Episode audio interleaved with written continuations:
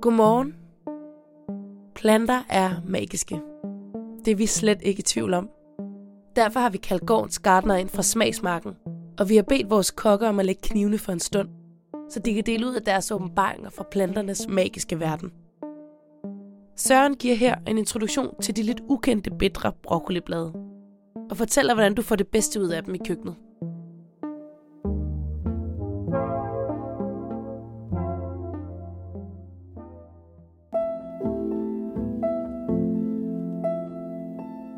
Ude i smagsmarken på Bejtskov og Krogerup har vi et forskningsprojekt, som hedder Bittersund, som øh, indeholder en dyrkning af gamle bitre kålsorter.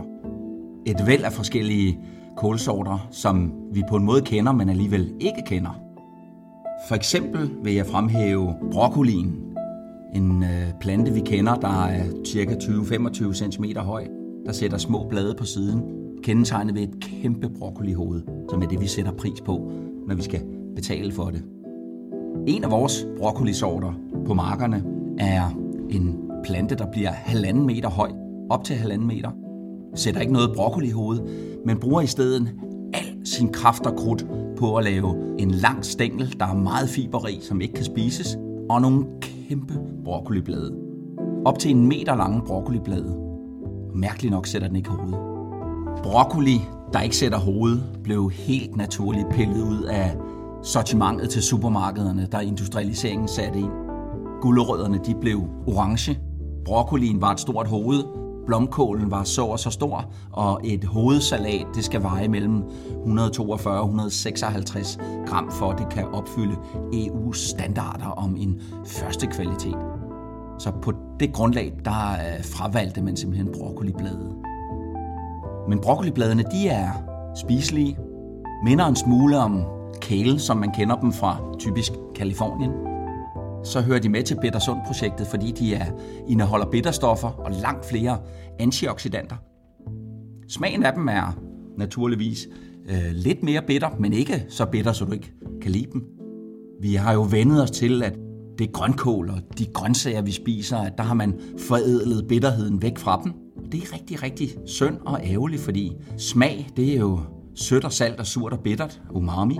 Og bitterheden, den giver jo smagsnuancer til vores køkken.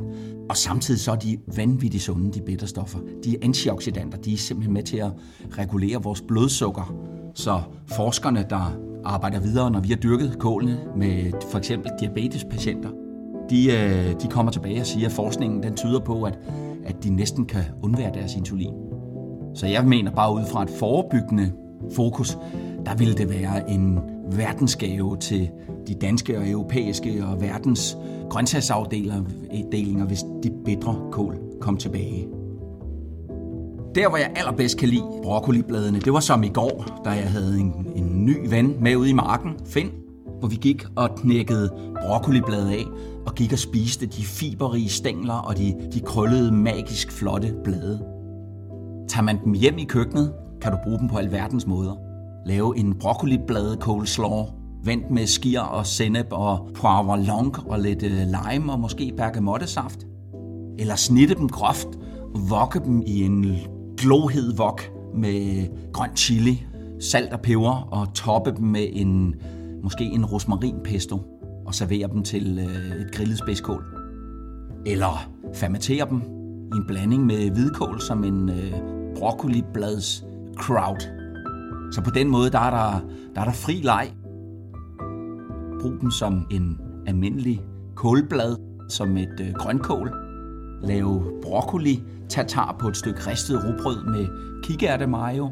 Eller lad din fantasi drive din broccoliblad derhen, hvor du holder af dem.